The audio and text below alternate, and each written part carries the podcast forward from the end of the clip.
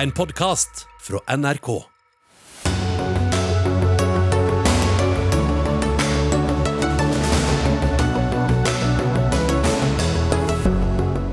Bø i Vesterålen satte ned formuesskatten selv om kommunen da ville tape skatteinntekter. Det må de betale selv, sa regjeringa i januar. Men nå må de visst ikke ta hele regninga selv likevel. Hvem er mest populær, og hvem blir mobbet? Det er spørsmål norske elever må svare på. Målet er å motvirke mobbing. Men det kan strø salt i såret for ensomme barn, advarer professor. Norske kvinner tar fortsatt mannens etternavn når de gifter seg, mens han oftest beholder sitt. Kvinnene tør ikke ta debatten hjemme, tror debattansvarlig. Og Nettavisen hentet inn et nynorsk sitat og oversatte det til bokmål. En skammelegg redaksjonell praksis, ifølge Noregs Mållag. Vel møtt til ukas første Dagsnytt 18, hvor vi også skal diskutere ytringsrommet i Norge. Jeg heter Sigrid Solund. Kommunen Bø i Vesterålen, eller Norges Monaco, fikk mye oppmerksomhet da de satte ned formuesskatten for å tiltrekke seg nye innbyggere. Regjeringa sa de ville endre reglene slik at resten av Norge skulle slippe å betale dersom skattestuntet viste seg å koste kommunen dyrt pga. lavere skatteinntekter. Nå snur de og gir Bø fritak fra reglene, og det reagerer du på, Karin Andersen, stortingsrepresentant for SV. Hva er det som er så ille ved dette? Nei, altså hvis vi ser litt på historia foran her nå, da, så har vi en regjering som har gitt de aller rikeste milliarder i skattelette. Og når noen av dem da syns at eh, de ikke har lyst til å bidra med det engang til fellesskapet, så eh, får man noen høyrefolk til å foreslå eh, skattekutt på formue og i en kommune, altså i Bø. Og sånn jeg hørte når Bø snakka, var at de trodde at dette her skulle være gullkanta og kjempefint men det er det jo ikke. Og SV stemte imot i kommunestyret òg, for det var jo dårlig utreda. Og jeg var glad ja, når regjeringa i vår sa at eh, OK, dere tar denne risken, men den får dere ta sjøl. Vi andre skal ikke være med å sponse dette. Men nå har de snudd.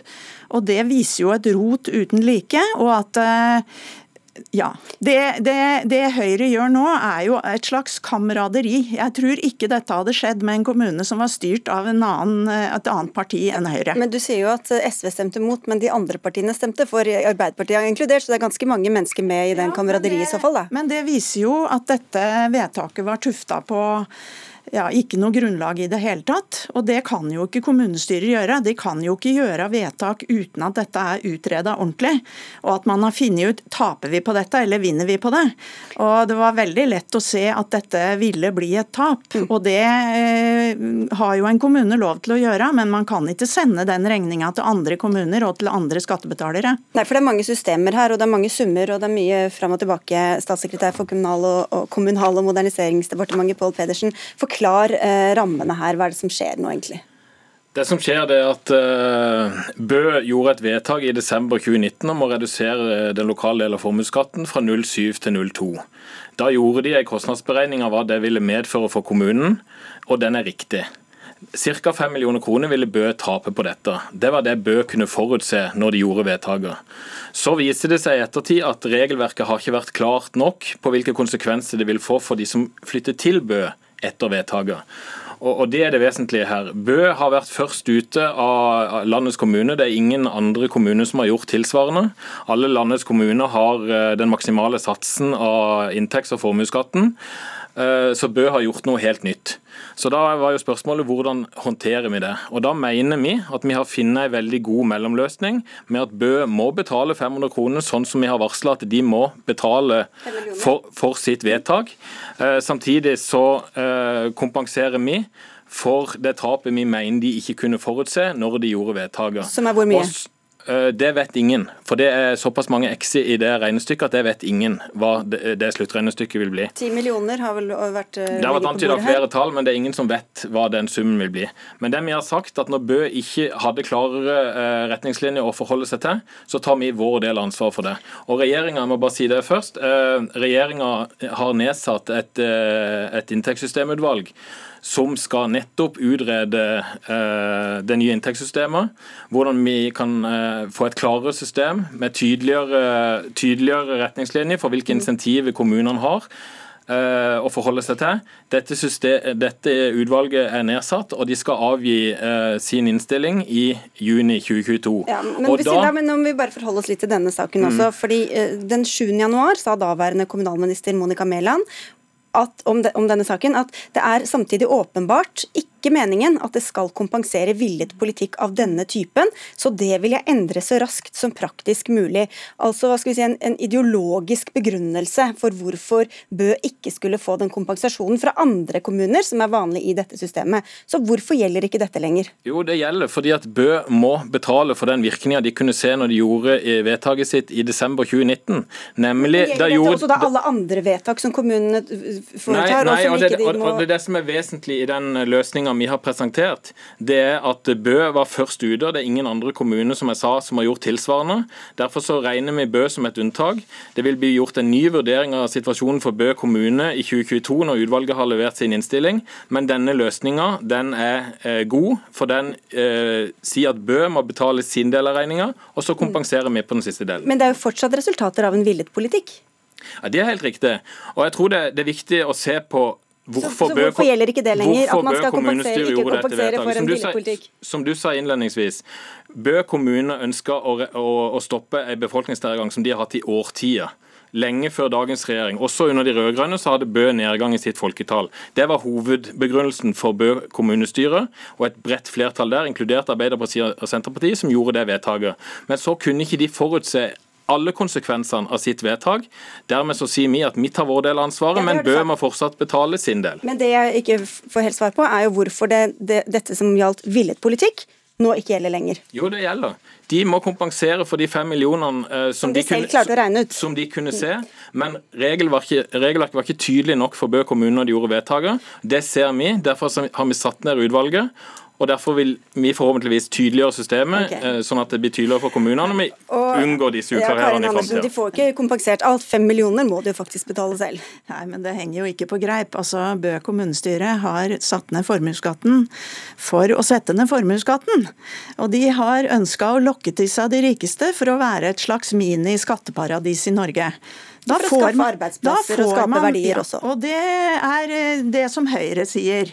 Eh, og vi har spurt Høyre gang på gang på gang kan dere legge fram en rapport som viser at dette skaper arbeidsplasser. Det har ikke regjeringa kunnet. Tvert imot har utvalget som regjeringa sjøl har satt ned, påvist en sammenheng mellom færre arbeidsplasser mm. Ok, men Vi tar ikke hele den formuesskatten. Men, men, men, ja, men, bare til deg, Karin Andersen. Poenget er at hvordan, dette, er, ja, dette er den samme ideologien. Dette ja, er den samme det jeg, men det hele, øyeblikk, et øyeblikk. Karin Andersen, hvordan eh, skulle Bø klare å regne på dette, når regelverket var så uklart som det vi får presentert her fra departementet? Ja, hvis regelverket var uklart, så burde jo ikke Bø gjort dette vedtaket før eh, de hadde fått klarhet i reglene, og det burde jo departementet, jeg regner med at de har hatt kontakt med dem, sagt fra tidlig. Og her var altså kommunalministeren klinkende klar ute og sa gjør dere dette, så må dere ta risikoen sjøl. I ettertid, når det viser seg at det å få flyttende til seg eh, milliardærer faktisk ikke er så lønnsomt som man tenkte, så kommer regjeringa med en sånn løsning. Det er helt prinsippløst, det som gjøres nå. Og i morgen, i morgen så skal vi diskutere kommuneøkonomi i Stortinget, og da fremmer SV et forslag som sier at dette skal ikke kompenseres. Verken du eller andre kommuner. Vi tar, ikke, vi tar ikke debatt om kommuneøkonomi eller om formuesskatten. Men jeg har lyst til å utfordre Karin Andersen på følgende. Du sier det er ideologisk begrunnelse her. I dagens Norge så har vi en tiltakssone for Nord-Troms og Finnmark. Det, det går, og Målet med det, det er å skape attraktiv region i nord, skape økte arbeidsplasser og eh, mer næringsvirksomhet. Mm. Eh, da har man fritak for arbeidsgiveravgift, en har eh, avskriving av studielån og diverse tiltak. Det bruker vi 13 milliarder kroner i året på. Er SV imot den forskjellsbehandlinga vi har i Nord-Norge? Er det noe de vil fjerne? For det bruker vi betydelige midler på hvert eneste år. Nå må du slutte å lage stråmenn her. Altså, Den differensierte arbeidsgiveravgifta går rett til arbeidsplassene. Ja, og SV har... De som skaper arbeidsplasser. Samme nei, måte som i Bø. Nei, de går, de går til bedriftene og til de konkrete arbeidsplassene som er lokalt. Det som foreslås nå, er kutt i privat formuesskatt. Og det er noe helt dere, annet. Ja, men Du sa Paul Pedersen, at dere tar resten av regninga, altså som, den summen vi ikke vet. Det er ikke dere som Det er, jo ikke, det er jo ikke dere politikerne som tar den. Hvem er det som egentlig skal betale Nei, det, denne summen? Det vi har sagt, det var at Bø kommunestyre hadde sitt budsjettmøte torsdag forrige uke. Da hadde vi behov for å gi en, et signal til Bø om hva de skulle legge til grunn for den budsjett, budsjettbehandlinga de gjorde der. Derfor så sa vi at eh, de må dekke sjøl de fem millionene, og så tar vi eh, det resterende. Men vi har sagt vi skal komme tilbake til detaljene om hvordan dette skal løses rent praktisk, og det vil vi gjøre om kort tid. Den har vi ikke endelig landa. Ja, alle alle, andre skattebetalere i landet som, sagt, da, som skal betale ikke, for den politikken si bør. Jeg kan ikke si noe nå om hvordan vi skal gjøre dette rent praktisk. Det kommer vi tilbake til om kort tid. Men jeg er helt sikker på at det blir en god løsning, både for Bø og for kommunene generelt. Så, så, lenge ikke dere politikere selv betaler det, så er det jo vi andre som må betale det. Eller alle, vi alle som må betale det. Jo, men det er jo på samme måte som tiltakssoner i Nord-Norge. Da, da, da, reduserer vi da reduserer men det, vi, men det, har vi jo det, det er helt sammenlignbart. Det har vi bestemt i staten, det har vi diskutert i Stortinget. Det er alle enige om. Så det er et, noen prinsipper som har blitt vedtatt sentralt. Og det som er tydelig nå, er at uh, heller ikke regjeringa veit hvor stor denne regninga blir. De aner ikke. Og det er helt på det rene at det må alle være med å betale. Jeg håper i hvert fall at regjeringen tar det av sin egen ymsepost og bruker den, og at man ikke trekker dette ut av de andre kommunene, som eh, trenger sine overføringer hver eneste krone. Jeg er sikker på om vi finner en god løsning på dette, og vi har varsla at vi vil komme tilbake med den om kort tid. Da venter vi spenning eh, inntil videre. Takk skal dere ha begge to. Karin Andersen fra SV og Pål Pedersen eh, fra Kommunal- og moderniseringsdepartementet.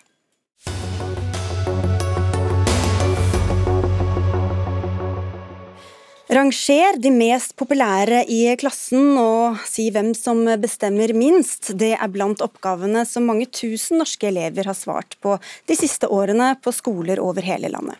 De er hentet fra spørreskjemaene Spekter og Innblikk, som skal bidra til å kartlegge og bekjempe mobbing i skolen. Men i Dagsavisen i dag er det flere som reagerer på dette opplegget. Du er en av dem, eh, Stein Erik Ulvund, professor ved Institutt for pedagogikk ved Universitetet i Oslo.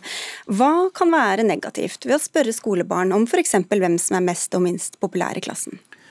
Det som kan være negativt, er at eh, dette faktisk kan gjøre mer skade enn gagn. Hvis du f.eks. spør et barn som har veldig få venner, hvem vil du helst være venn med, så kan du faktisk strø salt i såret i den forstand at du rett og slett forstørrer hele problemet. Slik at det kan bli unødvendig stort. Og de blir også veldig klare på liksom at dette eh, takler jeg ikke. Og Det er veldig viktig å være klar over at dette skjemaet kan virke veldig forskjellig. For de som har mange venner, syns det er veldig kult å svare på dette. De kan bare si at ja, jeg er venn med alle de jeg har lyst til å være venner med. Så på den måten så kan dette faktisk bidra til at forskjellen i hvordan de opplever skolehverdagen kan bli større. Og det var ikke den som var meningen. Men tror du ikke at de som ikke har noen venner, vet det ganske godt fra før av? De vet nok det ganske godt fra før av, men dette kan virke som et slags forstørrelsesglass, der de rett og slett kan oppleve at kanskje problemet er enda større enn jeg trodde. Så jeg er veldig skeptisk til den type merkelapper. Johannes Finne, du er førsteamanuensis ved Læringsmiljøsenteret i Stavanger, Universitetet i Stavanger. Det er dere som står bak disse spørreskjemaene. Det er egentlig Utdanningsdirektoratet som har initiert prosjektet på oppdrag fra Kunnskapsdepartementet, men dere er altså ansvarlig for utformingen. Og hvorfor gjør dere det på denne måten? Jo, altså fordi eh, det er vanskelig for de voksne på skolen å fange opp eh, skal det, si, det, sosiale livet blant elevene. Og vi vet f.eks. fra siste års elevundersøkelse at 36% av de elevene som ble utsatt for mobbing, de kunne fortelle at ingen voksne visste om det. Og kun 8% av de elevene som ble utsatt for mobbing, de opplevde at skolen satte i verk tiltak som hjalp. Det betyr at her er det veldig mye informasjon som ikke når fram til de voksne. Og eh, da, da, er det viktig at de får den informasjonen som er nødvendig fra eh, elevene. Mm. Og, og, så tenker vi jo det at eh, den situasjonen elever er i hvis de ikke har det trygt og godt på skolen, den er eh, helt virkelig, den. Uavhengig av om de forteller det eller ikke. Eh, og Det er klart det kan, det kan, nok, som Ulven sier, være en dimensjon ved det, at det oppleves som en tilleggsbelastning ved å fortelle det. Men jeg tenker nok at den tilleggsbelastningen er eh, betraktelig mye mindre enn gevinsten ved å få finne ut av det og kunne sette inn tiltak som virker godt for elevene. Jeg har stor respekt for eh, det jobbet som er gjort ved Læringsmiljøsenteret i Stavanger, og er veldig flott at de faktisk har fått ned mobbingen. Eh, men spørsmålet er jo om det hadde vært mulig å få den ned på andre måter. For de har selv sagt at eh, de er slettes ikke sikre på at disse måleinstrumentene har vært veldig viktige for å få redusere mobbingen. Og jeg vil at en kanskje skulle prøvd ut andre metoder. og Hvis du lurer på hva jeg tenker på, så tenker jeg på at det kanskje hadde vært lurt å snakke med elevene, gjøre noen notater. Helst så burde kanskje foreldrene også få lov til å bli med. For foreldrene vet jo ikke engang at barn har blitt utsatt for dette. her, sånn at jeg vil ha gått litt mer uh, forsiktig til verks for å skåne elevene. Fordi vi vet rett og slett ikke hvor mange som kan ha fått det verre av å stille den type spørsmål. Ja, hva slags opplegg er det, hva slags obligatorisk opplegg er det rundt dette, Finne? Ja, altså, for det første så er det viktig å påpeke at Spekter består av to deler. Eh, den første delen er denne spørreundersøkelsen som, eh, som, vi i grunnen diskuterer nå. Og den andre delen er elevsamtaler. Sånn at det vi får vite gjennom eh, undersøkelsen, det gir jo bare noen foreløpig informasjon som vi kan følge opp ved å snakke med elevene etterpå, og ved å gjøre gode observasjoner på et godt grunnlag. Vi skal få inn en til her, mobbeombudet i Viken, Bodil Haug. Hvilke erfaringer har dere? Dere med hvordan skolene gjennomfører disse undersøkelsene? Ja, Nå er jo jeg litt i midten, jeg, både og. Jeg tenker at uh, jeg har vært med og anbefalt denne undersøkelsen sjøl. Eh, I tillegg så syns jeg at alle intervensjoner i skolen trenger en god kritisk diskusjon. og Derfor er det så bra det Ulven kommer med her. Fordi det handler om eh, hvorfor gjør man dette? Er man ute etter de skyldige, eller er man ute etter de ansvarlige? Og Det er den intensjonen man går inn i denne spørreundersøkelsen med, som jeg tenker er utrolig viktig å ha med seg inn i arbeidet. Fordi det er en risiko ved å instrumentalisere uh, mellommenneskelige prosesser. En stor risiko, og det kan fort bli en systematikk der hvor man ikke har med seg de viktige eh, aller viktigste, hvilken verdighet kommer eleven ut med her? Og her kan det, Jeg snakka med ganske mange i dag når jeg fikk vite at jeg skulle hit, for å på en måte få fram Eh, barnet og praksisfeltet sin i dag. Og da var det en elev som sa til meg, vet du hva. Eh, jeg kom ut eh, og syntes at det var helt forferdelig. og De stilte meg masse spørsmål, og etterpå så ble jeg fanget inn på et rom og skulle snakke. Det var hennes opplevelse. Og så var det en som sa det at endelig fikk vi sagt det som vi syntes var så vanskelig å si. Alle visste det, og så endelig så fikk du sagt det. Så jeg tenker at det er en bredde her, og det handler om intensjonen og den eh, kunnskapen skolen har i å bruke dette verktøyet godt. Og hvis du ikke har det og bruker det instrumentelt, så blir alle verktøy i skolen dårlig. Ja, det var det jeg egentlig prøvde å spørre om, Finn, også, om det er dette obligatorisk, at det skal være en god oppfølging, at man skal snakke med elevene ordentlig i etterkant eller i forkant, og involvere foreldrene osv. osv. Ja, så Spekter består av to deler, elevundersøkelsen og elevsamtalen etterpå. Eh, og På bakgrunn av undersøkelsen så man, kan man gjøre foreløpige analyser, få fram eh, diagrammer og sosiogrammer, som gir ganske sånn, godt oversikt da, over det veldig komplekse livet på skolen. Og Så skal det altså følges opp med elevsamtaler. Og Jeg er helt enig med, med Bodil Haug at det, kvaliteten på det arbeidet som gjøres, ligger ikke bare i instrumentet, men i den kompetansen som skolen og de ansatte har Eh, som skal eh, utføre Spekter. Ulven? Det er ikke bare snakk om hvordan dette blir brukt. Det som ikke er blitt sagt der, er at eh, de som da blir utsatt for dette, her, der blir det klart for mobberen, den som måtte mobbe, hvem som eventuelt har angitt og sagt at du er en mobber, til læreren. Og det mener jeg at eh, det, det blir det som Gunnimsen har kalt for en angivermentalitet. At du, du, ypper nesten til krig i klassen ved at mobberen får vite hvem av de andre som har angitt han. Og det er ikke å bygge et godt, eh, gode relasjoner i klassen. Da må det helt andre tiltak til enn å peke ut syndebukter. Ja, hvordan kan det gjøre situasjonen bedre, Finne? At, at mobberen da får vite at en eller to som har pekt han eller henne ut som en mobber i klassen? Ja, Nå ligger det jo ikke noe i metodikken eh, som sier at man skal peke ut hvem som har sagt eh, hvem som eh, er en mobber. Men jeg vil først og fremst egentlig bare peke på at jeg syns det er det er voldsomt å bruke et begrep som angiveri. Altså det, det, er et begrep man bruker i forbindelse med krig for å peke på mennesker som gir informasjon til fienden. Og De voksne er ikke fienden her, de voksne er samarbeidspartnerne. Og Til og med i læreplanen så står det, er det et overordna delen, så står det at det er viktig å fremme elevenes mulighet og evne til å stå for sine medelever og, og kunne si fra om med egne meninger. Så jeg tenker dette her er, er en måte for elevene å kunne uttrykke både det de mener og uttrykke sin bekymring for medelevene. og Det tenker jeg vi skal holde frem som noe positivt, mm. og ikke hva skal jeg si, nedgradere det til noe som er negativt. For da, da tenker jeg vi er litt på gale veier. Jeg synes vi må spørre oss Hvorfor gjør vi dette? Fordi at Hvis man har til, ute, har til hensikt å finne en som er skyldig, da skal du ikke bruke et sånt verktøy. Eh, da er vi på ville veier. og jeg tenker at eh, Hvis man tenker at eh, dette kan være et mulig verktøy for oss, hvordan passer det inn i skolens verdisyn? Ta det opp på lærerværelset. La lærerne og pedagogene diskutere hvorfor gjør vi det, hvordan skal vi gjøre det. Det gir et godt grunnlag for en skole. Og så må man se hva skal man gjøre med eh, resultatene? Jeg må si at jeg gikk eh, tur med hunden min en sent en kveld, og da så jeg inn på en sånn paviljongskole et uh, sosiogram som var på innsida på en pult der. Og jeg tenker at Hvordan man håndterer personopplysninger, så sensitive opplysninger som dette er, er veldig viktig å diskutere i kjølvannet av en sånn undersøkelse. For dette er ekstremt sensitive opplysninger som kun skal tilfalle noen få en liten periode. Men noen må, de, må det jo tilfelle tilfalle ulven. Og hvordan skal lærerne kunne ta tak i disse problemene, hvis ikke de er helt spesifikke, helt konkrete? Hvem er det som har det vanskelig, hvem er det som gjør det vanskelig for andre? Jo, jeg mener jo at eh, lærerne må ha informasjon om det, men det er måten du skaffer denne informasjonen på som vil bli viktig. Ungdommer i videregående som har vært utsatt for dette, de har blitt spurt hvordan syns du dette var i en systematisk eller en spørreundersøkelse. Og veldig mange svarer at vi trenger ikke å, å bli vurdert på skjemaer, vi trenger å få nærkontakt og snakke med læreren.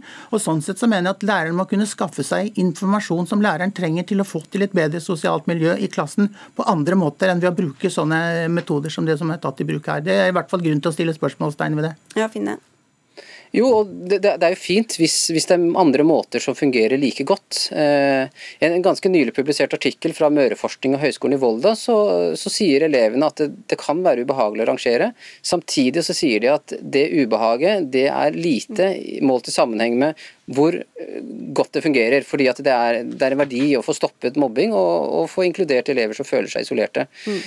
Eh, så gjerne, eh, hvis det finnes eh, gode metoder, så kan vi bruke mange metoder som virker godt. Men elevene sier selv at det kan være vanskelig å si fra til lærerne, og at det kan være lettere å si fra på en måte som dette.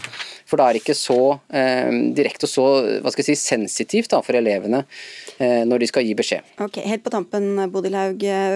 Tror du kompetansen er der ute da, blant landets skoler? jeg tror det er varierende. Og så tenker jeg at det er skoleeiers ansvar å sørge for at skolene har den kompetansen. og det de må spørre seg til syvende og sist, er dette til elevens beste? Og hvis de tenker at dette er ja, det gir elevene verdighet og elevens beste, da kan man gjøre det. Hvis ikke så skal man ikke gjøre det før man har kompetansen på plass.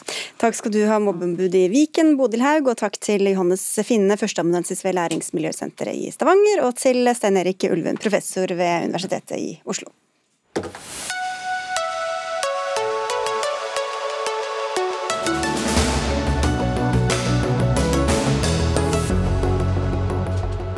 Hvorfor tar likestilte norske kvinner fortsatt mannens etternavn når de gifter seg? Det skal vi diskutere om en halvtimes tid her i Dagsnytt 18. Men før det til en annen debatt som mange engasjerer seg i. For ytringsrommet i Norge er blitt så trangt at folk ikke lenger tør si hva de egentlig mener. Det er oppsummeringen av en kronikk i Bergens Tidende forfattet av to studenter, hvorav du er den ene, Halvor Mjøen Berg. Hva slags meninger er det du og dere syns det er vanskelig å si høyt? Altså, jeg tenker jo primært at uh, vårt formål var ikke å, å, eh, skulle fortelle at det var stakkars oss, og at vi ikke skulle få si det vi ønsker å mene, men vi opplever at debattrommet kan bli snevert, og det kan bli hardt. Og der i målet om å skape en inkluderende og, og god samtale, uh, så, kan, så, kan, det bli problematisk. da. Mm. Og det er sånn, sånn, som nå, bare at Vi gruer oss til å ytre oss. Det er jo mange som har tatt kontakt i etterkant og ønsker å vite hva vi sier. Men så er vi så redd for å bli mistolka, og det kan være kanskje problemet vi ønsker å få fram. Men, men, hvis vi skal skjønne det litt bedre, kan du komme med et eksempel eller to på hva slags ytringer som kan være vanskelig å, å si i dagens uh, offentlighet? Ja, jeg tror jo eh, Det er jo ting som vi også skriver i kronikken, at, at eh, f.eks. For, for oss som, som eh, lett blir stempla som unge, eh, hvite norske kristne, om vi er konservative, om det er det vi er, men eh, i rasismedebatt, i feminismedebatt, så er det ofte, ofte vanskelig å problematisere. Da. Og Det som ofte er trist, er jo at vi er veldig på lag. sant? I, i, også i, i den høyaktuelle rasismedebatten så står jo vi sammen med eh, med folk som, som, kjemper det, men vi er bare redde for at vi sjøl blir kjempa imot da, når vi problematiserer. Det er veldig lett å bli stempla, rett og slett. Mm. Men, men, hva slags problematisering er det du kunne sett for deg, da? Mm. Eh, nei, Konkret eksempel som har vært, eh, som vært nylig, da, som jeg tror kan være med å splitte mer enn forene, kan for være i saken med han eh, Vy-ansatte som blir, eh, som blir utfordra fra kvelt til mørke jente der man, der man, kanskje ikke gjør en grundig nok faktasjekk. og så Hvis man problematiserer det her, så er det veldig lett at det blir veldig harde meninger. Eller der vi opplever for i sommer rundt eh, Black Lives Matter, den, der vi skulle dele um, de mørke, eller bilden, black, black screenshot av et mørkt bilde. Um, så, så så, eh, og man problematiserer er det riktig måte å gjøre det på. At man ikke kan ha egne meninger hvordan man er med å problematisere et bedre samfunn, og at man ikke trenger å følge, følge den isme da, for, for å skulle være med å, påvirke det i en positiv retning. Mm. Jeg bare nevner at eh, det var vel rasisme i Norge som da hadde denne Vy-saken, og de har beklaget og sagt at de misforsto. Eh, bare så har vi eh, ryddet det av veien. Linda Tinuke Strandmyr, du er fungerende leder i Agenda X, som er ungdomsavdelinga til Antirasistisk Senter. Vi hører her, det var ikke meningen å stille seg i en offerposisjon, sier de, eller han, men, men du mener likevel at de gjør det. Hvordan da? Nei, jeg stiller meg egentlig ganske kritisk til de ytringene som handler om det med at ytringsrommet vårt blir mindre. Eh, fordi jeg tenker ytringsrommet for hvem? Jeg tenker egentlig motsatt. Jeg ser at vi får et større ytringsrom i debatten vår. Nemlig fordi at minoriteter med alle slags bakgrunn i det norske samfunnet nå benytter seg av retten til å ytre seg. Man velger å delta i den offentlige debatten, og man velger å være med å sette dagsorden. Og Det er jo positivt for det offentlige ordskiftet i Norge, tenker jeg, at det representerer mangfoldet i befolkningen vår. Så eh, jeg forstår ikke helt utsagnet om at eh, ytringsrommet blir eh, snevrere. Men jeg tenker kanskje at som majoritetsnorsk, da, hvis man har vært lagt i den offentlige debatten, det å da oppleve at nå eh, rommet må utvide seg, vi må redefinere hvordan vi snakker med hverandre og hva vi snakker om, eh, og det er flere mennesker som er med å sette agendaen for hva som er OK å si og ikke, det er smertefullt. Det kan jeg forstå. Det er alltid vanskelig når samfunnet rikker og utvider seg. Men jeg tenker at eh, det er viktigere at minoriteter får lov til å være med i debatten og får lov til å være med å sette premissene for hva som er OK og ikke. Det prinsippet der eh, veier høyere for meg enn prinsippet om at man skal få lov til å ytre seg på en krenkende eller på en diskriminerende måte. Men tror du at disse eksemplene som han kom med, det var ikke så mange, men han, de skriver jo også om det er det nødvendigvis så krenkende, da? Eller kan det bare bli oppfattet krenkende, eller man blir redd for å virke krenkende, eller ja, altså, jeg vil egentlig utfordre kronikkforfatterne enda litt mer, fordi jeg forstår ikke hvem det er man snakker om. Hvem er det som skaper dette innsnevrende rommet? De antirasistene jeg kjenner, de har kjempa i tiår for nettopp dette. Nettopp det at vi skal snakke sammen, at vi skal ha en diskusjon. Og jeg leter etter egentlig konkrete eksempler på hva er det man mener at man ikke kan si. Det at man nevner Black Lives Matter, at man eh, ikke kan dele et bilde i sosiale medier, det tenker jeg er eh, Det er ikke det denne debatten her handler om, da. Hvem, hvem er det, Berg, som, som, gjør det ytringsrommet trangt, da, ifølge dere?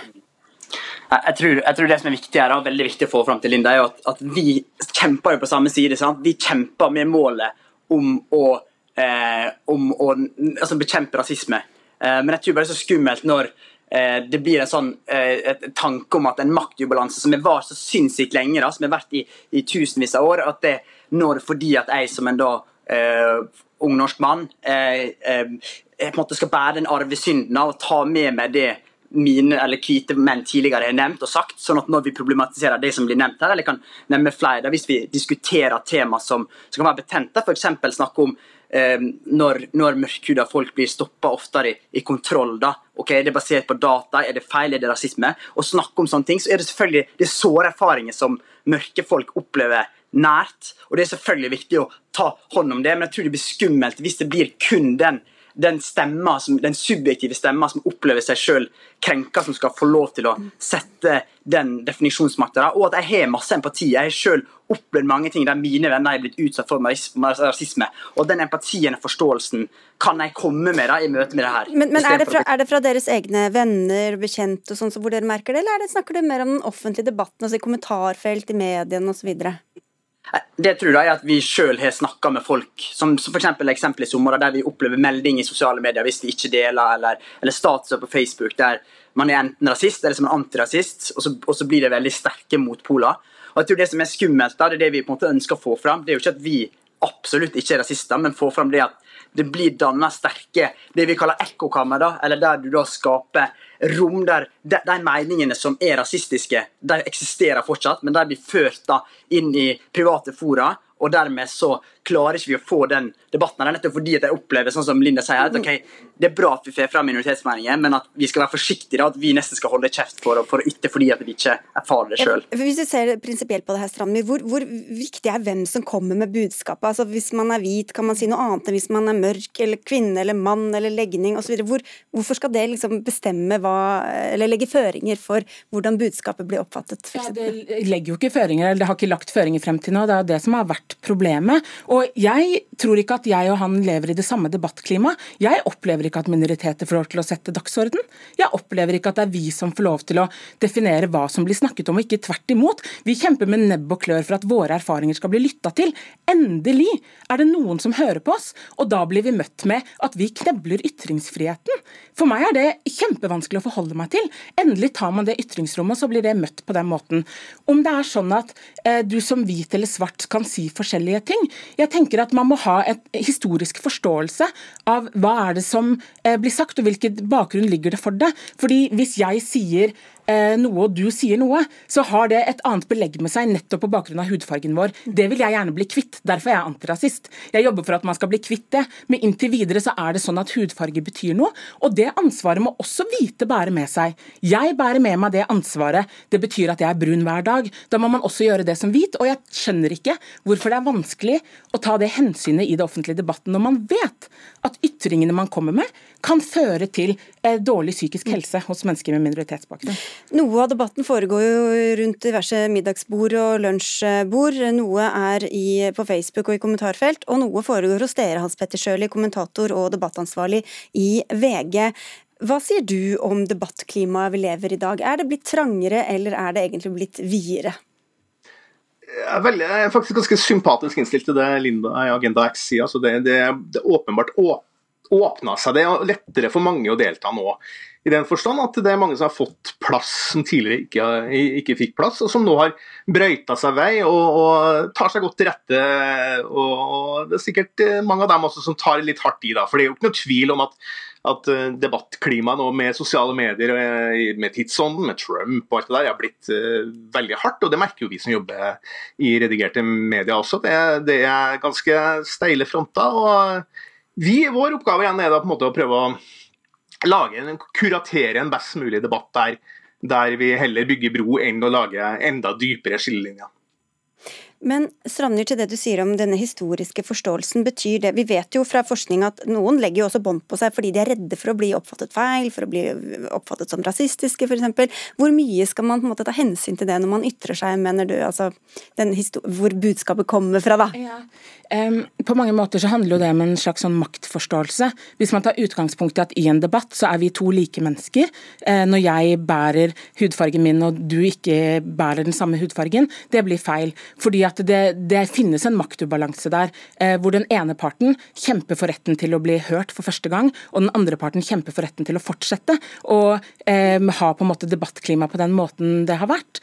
Og eh, jeg tenker at det, um, jeg syns det er rart at det koster så mye å ta hensyn når man vet at eh, mennesker med minoritetsbakgrunn har nå bevitnet eh, konsekvensene det har. At man lager humorprogrammer som er støtende, eller at man kommer med ytringer. Så hvis det koster så ekstremt mye å ta hensyn til det, så forstår ikke jeg hvordan samfunn vi er i ferd med å bli.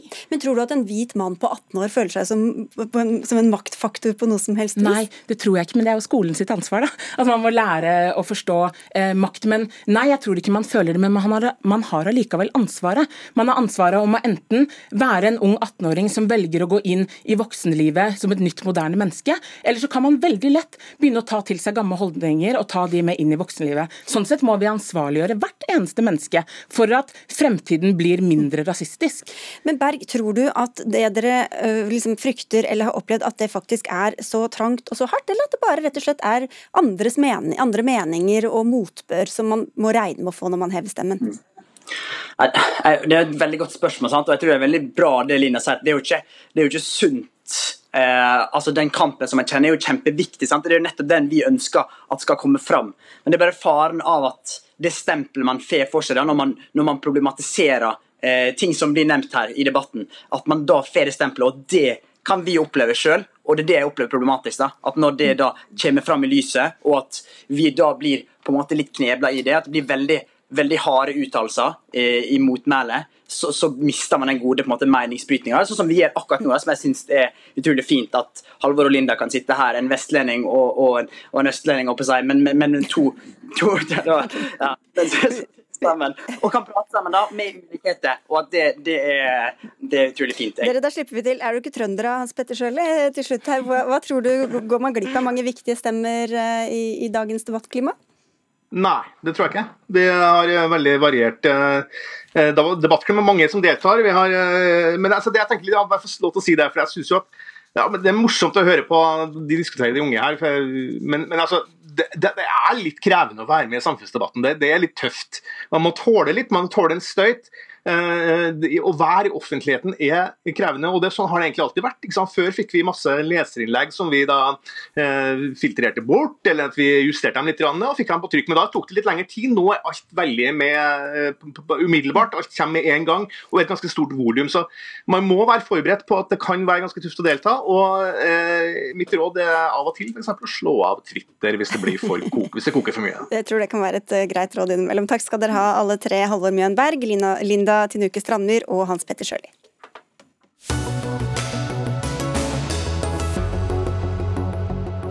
En Nettavisen-sak om julefilmen 'Tre nøtter til Askepott' på NRK skapte så mye rabalder at en NRK-journalist skrev om det på Facebook på nynorsk.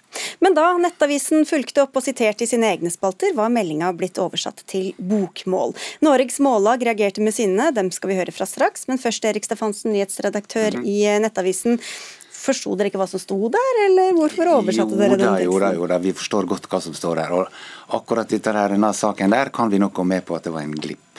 Slik at det kan hende at Noregs Norges Mållag har et par poeng her, men det kan vi jo komme tilbake til.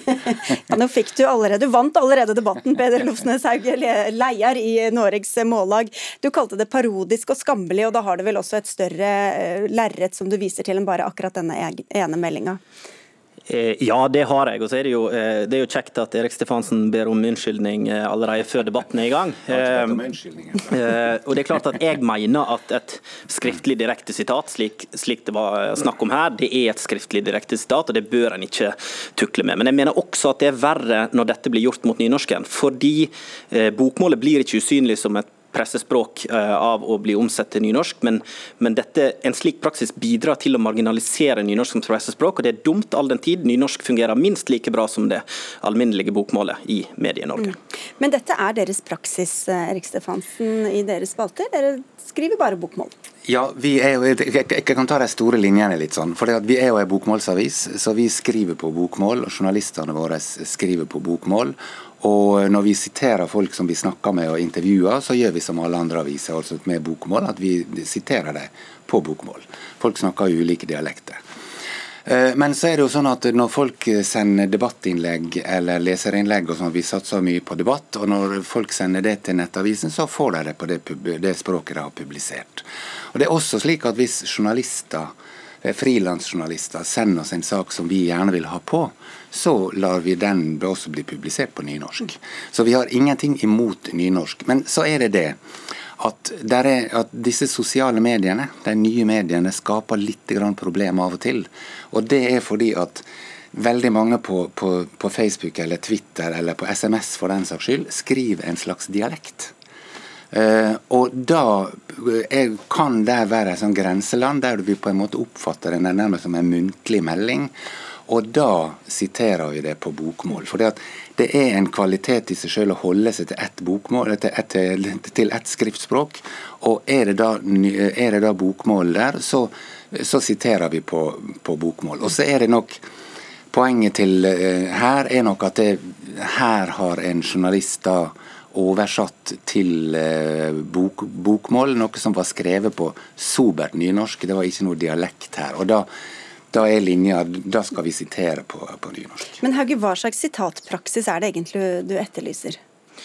Jeg tenker at i alle fall eh, en bør tilstrebe å, å, la leserne sine få møte både bokmål og nynorsk. Det gjør jo ikke Nettavisen. Nettavisen er jo, eh, sammen med Dagbladet, de, de, to eneste riksavisene som ikke eh, tillater eh, nynorsk. Det er jo eh, synd. Eh, det er også synd for de journalistene som arbeider i Nettavisen. Jeg tror det blir et dårligere journalistisk produkt. Men Skal du ha blanding hvis noen blir intervjua som, som, har en, en dialekt nær nynorsk, skal man da siteres på nynorsk, eller hva ser du for deg i artikkel jeg tenker at Det er ikke problematisk i det hele tatt, men en kan jo i alle fall eh, legge opp til at eh, skriftlige sitat på nynorsk ikke blir oversatt. og Det, det ser vi jo, altså Dette er jo ikke et engangstilfelle. Dette har jo eh, aviser gjort eh, mange ganger. Eh, og Det er klart det hadde vært lettere å sette gjennom fingrene på dette som en glipp dersom dette ikke eh, dersom en kunne forstå dette frikobla fra den redaksjonelle konteksten det faktisk har oppstått i det. og Det er jo en, en redaksjonell praksis der journalistene i Nettavisen ikke får lov til å bruke nynorsk norsk dersom det er det de vil, og det er veldig synd. Og litt pikant at du akkurat har engasjert deg veldig nylig, Stefansen, som dialektens forkjemper ja. og dialektens mann. Ja, jeg har jo det. For, for det at dialektene er jo noe av det fineste vi har. Og, og, og dette er jo interessant, altså, for det, det han på en måte eh, prøver å oppmuntre til, er at det er folk som snakker dialekt, eller snakker en nynorsk nær eh, skriftdialekt, eh, skal da siteres på nynorsk. Det, det vil antagelig føre oss helt på ville veiene. Altså på, på, ta min dialekt, f.eks., fra Ålesund. Så vil folk være helt veldig uenig. Er en, eh, snakker jeg en ny, nynorsk dialekt, eller snakker jeg bokmålsdialekt? Veldig mange i ålesundere i sentrum av Ålesund vil si at nei, vi snakker bokmål, vi vil siteres på bokmål. Andre vil si at nei, dette er en nynorsk dialekt, vi vil siteres på nynorsk. Slik at eh, det, det prinsippet om at vi holder oss til ett skriftspråk, i en artikkel, så skriver vi bokmål, så skriver vi bokmål. Og, ja, ja. Jeg ville bare høre hvordan Hauge ville løse det, men du hadde kanskje en avslutningssetning. Ja, og, og, og det, det, det, vi har som linje, da, det er at, at hvis vi siterer folk i form av sitatstrek, altså den journalistiske sitatstreken som sier at, at nå siterer vi folk muntlig, og det er meninga som skal fram, så bruker vi bokmål. Hvis vi siterer etter å bruke anførsel, eller dette er direkte sitat, så bruker vi det, den målforma som det er på. Ok, Hauge, Hvordan skulle dette løses med alle dialektene og bare to målformer? Nei, men nå er, nå er, det litt ulike ting vi diskuterer her. fordi at Én og samme sak kan jo for så vidt prinsipielt sett være skrevet på enten bokmål eller nynorsk, men, eh, men utgangspunktet for denne debatten og den meldinga jeg sendte ut knytta til denne hendinga, var jo at en har tatt et skriftlig direktesitat og oversatt det. Eh, det er problematisk. Og så vil jo en slik praksis føre til et skeivere forhold mellom nynorsk bokmål enn det som faktisk er realiteten i samfunnet. Eh, og jeg har òg forsøkt å løfte denne debatten nå opp på et større og overordna språkpolitisk nivå, der Nettavisen har en språkpraksis som eh, i alle fall ikke er i tråd med den, det uttrykket Erik Stefansen hadde i sin glitrende kommentar om Finn-Erik Vinje-dialekten. Ja, men der, der, er det jo sånn, altså Språket er jo i utvikling, og, og, og, vi er i utvikling alle sammen. og det, Når du sier at, at, at Nettavisen ikke tillater nynorsk, så er det direkte galt. Altså Vi har masse nynorsk i Nettavisen, og vi har ingenting imot nett. Men for journalistene, mot, mot for journalistene dine skriver nynorsk? på jobb? Det var frilanserne og innsenderne ja, som fikk det. Okay. For, for, vi er bokmålsavis, og vi ansetter folk som da skriver på, på Da ble, forble det med den ene innrømmelsen i begynnelsen av, av, saken. Vi takker for den, og takker til dere begge to, Peder Lofnes Hauge, leder i Norges Mållag, og Erik Stefansen, nyhetsredaktør i Nettavisen.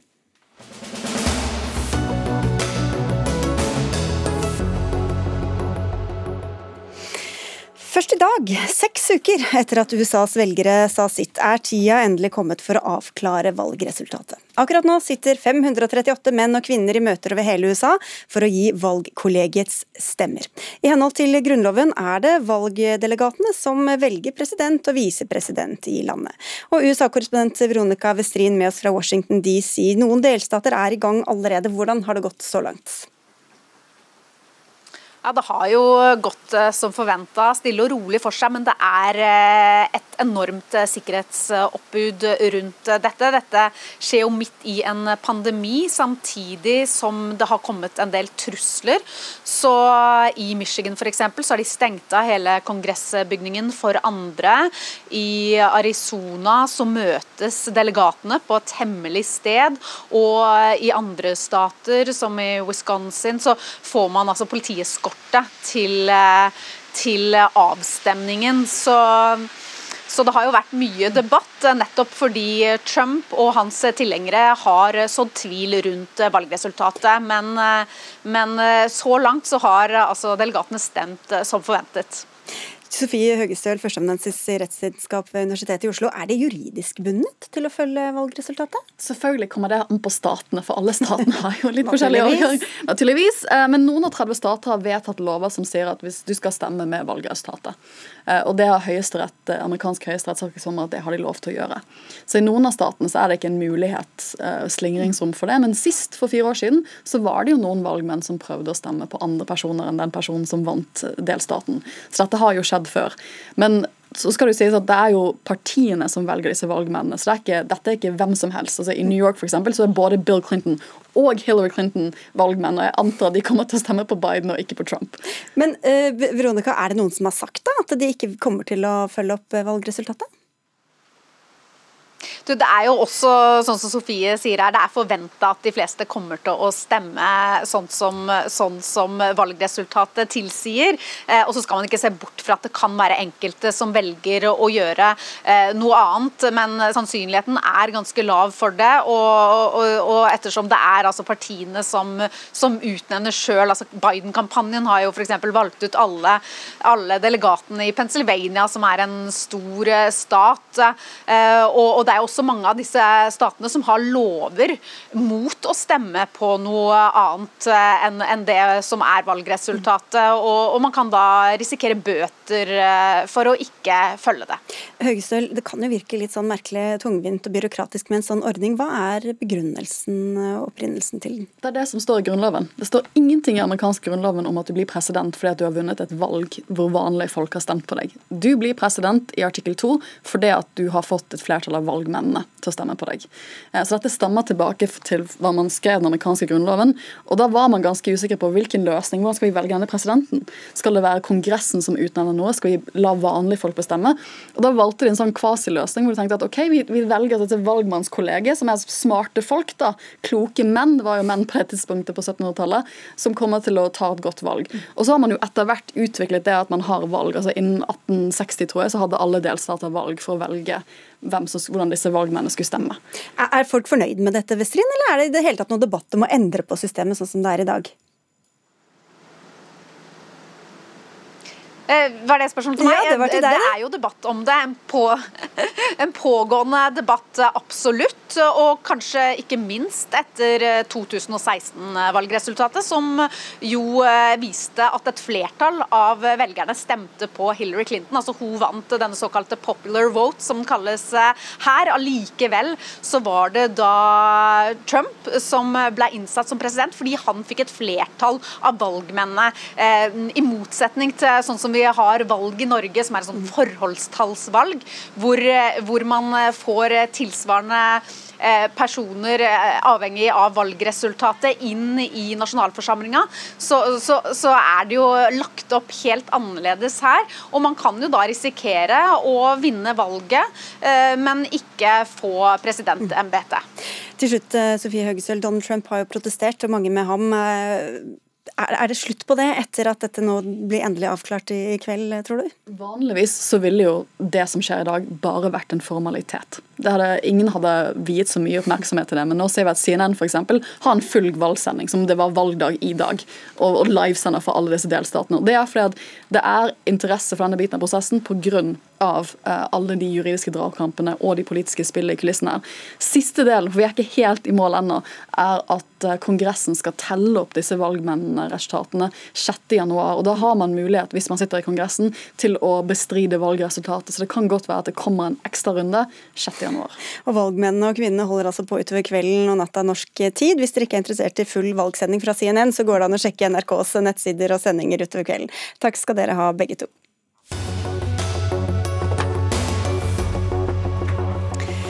Få stusser når kvinner gjør det, men hvis menn gjør det, må de forvente mange spørsmål. Det handler om å ta ektefellens etternavn, hvor en fersk doktorgrad har vist at det fortsatt er store forskjeller mellom kjønnene på dette punktet. Det skriver kilden kjønnsforskning.no. Men selve doktorgraden har du skrevet og forsvart nå på fredag ved Universitetet i Bergen, Line Føre Grønstad, kulturviter. Og 90% av norske menn beholder etternavnet sitt når de gifter seg, mens i underkant av 50% av kvinner gjør det, viser du. Hva begrunner de som du har intervjuet denne forskjellen med? Altså, Disse menneskene som, som bytter navn til partneren sin, dette er jo heterofile parforhold som jeg har, har undersøkt. Er Både menn og kvinner er jo ganske like. Alle av disse her er opptatt av kjernefamilien og det å skulle navngi kjernefamilien. Men så, men så er det jo dette her med denne kjønnsforskjellen da, som du peker på. Det er noen systematiske forskjeller her nå. Sånn at det, det, kan nesten se ut som at ganske mange kvinner egentlig har tenkt tanken på navneendring, mens det ikke er så mange, mange menn som har gjort det fra før av. Altså. Det er noen litt sånne strukturer som henger igjen i samfunnet, rett og slett. Selv om oss er på mange måter veldig likestilte, da, hvis vi kan si det, si det sånn. Hvorfor tror du det er sånn? ja, Det er jo et veldig godt spørsmål. Hadde jeg hatt svar på det, så, så hadde jeg gått rett på professortittelen. Men, men, dette navnet er jo en veldig viktig, uh, viktig uh, ting for veldig mange. Uh, og det har jo blitt litt sant i vårt, vår kultur, vårt samfunn, den vestlige verden, eller hva en skal kalle det, at navnet er liksom det samme som den du er. Og sånn har det jo ikke, ikke alltid vært. Sånn at, at den sterke identifikatoren og den sterke identiteten som mange knytter til navnet, jo, den står jo der veldig.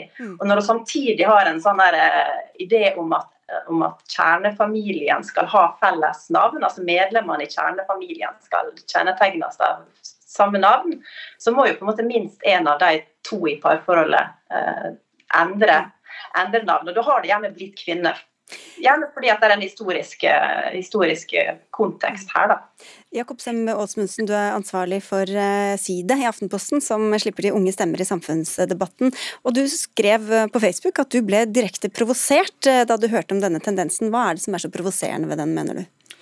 Jeg mener at disse funnene er Jeg blir litt paff når jeg leser det. Fordi at man vet jo at mannens etternavn har forrang, men det er det at det fortsatt er denne automatikken eller selvfølgeligheten som provoserer. At det ikke det er flere par som tar den refleksjonen eller den diskusjonen om hvilket navn som skal brukes. Og det er jo sånn at det har en uheldig historie, denne automatikken med at det var jo et system hvor mannen skulle på en måte ha eierskap på familien og skulle representere dem utad.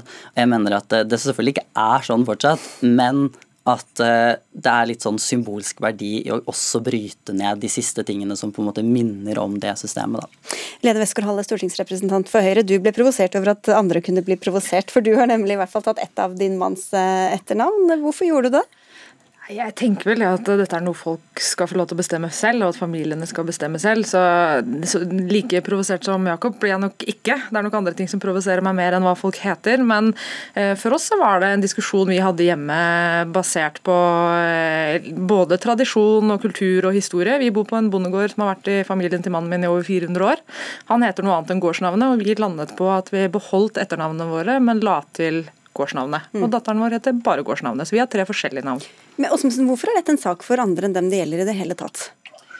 Som sagt så mener jeg at det er en uh, litt symbolsk verdi i det at flere kvinner uh, kjemper for sitt uh, etternavn, og at flere barn får kvinnens etternavn. og jeg mener selvfølgelig at alle skal få velge selv. og det kom jo ikke fram da jeg skrev dette på Facebook. Men, nå har du fått sagt det. nå har jeg fått sagt det. og det er likestilling i det også, selvfølgelig, at man skal få velge mannens etternavn. Men jeg, vi ser på forskningen, og det er den som på en måte er utgangspunktet her, at det fortsatt ikke er sånn alltid. Så, ja. Westgård alle kan jo si det. For vår familie så passa det best sånn. Dere ville ha mm. gårdsnavnet, andre syntes at mannen som var mer spesielt, eh, mm. det var viktigere for ham og for meg. Men hvorfor tror du da, liksom når jevnt over, at det blir så skeivt? Mm. Jeg tror ikke det er så rart. Vi skal jo ikke lenger tilbake enn mine foreldres generasjon, hvor det faktisk ikke var lov til å gjøre det på den måten. Så det er jo selvfølgelig det som henger igjen. Og vi har hatt eh, mange, mange hundre år hvor det var sånn at kvinnen skulle ta mannens navn. I 1923 så ble det jo innført ved lov at kvinnen måtte ta mannens navn, og mannen kunne ikke ta kvinnens navn. Så det er selvfølgelig det som henger igjen. Men i dag, eh, hvor det er endret, det ble jo endret i 1979, eh, et flott år for øvrig, hvor noen ble født, eh, da kunne kvinnene og mennene velge selv, og så har det sakte, men sikkert blitt likere og likere og likere. Og så forsvinner alle send-navnene, da. Ja, ja, det er noe så. Men Grønstad, er det så lange tradisjoner og så dype tradisjoner for dette? Eh, ja og nei. I Norge så har eh, borgerskap altså borgerskapet i Norge begynte å bytte navn på 1800-tallet. Eh, at kvinnene tok mennene sine navn utover på 1800-tallet. På slutten av 1800-tallet så var det absolutt det vanligste at, at familien brukte mannen sitt, sitt etternavn. Og så ble jo det som nå nettopp ble nevnt, påbudt ved lov i 1923, også for alle andre enn borgerskap og de som, eh, de som, bodde i byene. Og Da var jo det en viktig del av dette med å skulle kontrollere folk. altså eh, det var mange som flytta til byene på den tida, og det var mange som het Hansen og Nilsen og Johnsen. og Det var ikke så lett med gårdsnavn, for gårdsnavnet hadde jo til da vært eh, en måte en slags adresse. Og en bytta jo, altså en bytta jo når en bytta gård, når en flytta, så tok en det nye navnet. Og dermed så ble det liksom behov for at folk skulle i hvert fall hete det samme gjennom livet sitt. da. Eh, og da hadde mannen sitt navn og mannen sitt slektsnavn og mannen sitt slekt en slags eh, fortrinn framfor eh, kvinne, og dette navnet skulle da følge mannen og barna til mannen og videre osv. Men Westgård-Halle, syns du at det har en egenverdi at dette jevnes ut? Jeg tenker vel det at eh, det viktigste er at familiene får lov til å velge det selv. Eh, og så tror jeg nok mye av dette kommer til å jevne seg ut automatisk etter hvert fordi lovverket har blitt endret og fordi vi er mye mer bevisst på det. Jeg tror nok de fleste har denne diskusjonen hjemme. Vi hadde den diskusjonen over mange mange år før vi bestemte oss for hvilke navn vi skulle ta. Så jeg tror nok at man har en sterkere bevissthet. Men vi ser jo en ting som er interessant, er jo at de damene som gifter seg med menn som har sendt navn velger jo ikke mannens navn. Så jeg tror nok i dag så handler det mye om hvilke navn man faktisk også liker.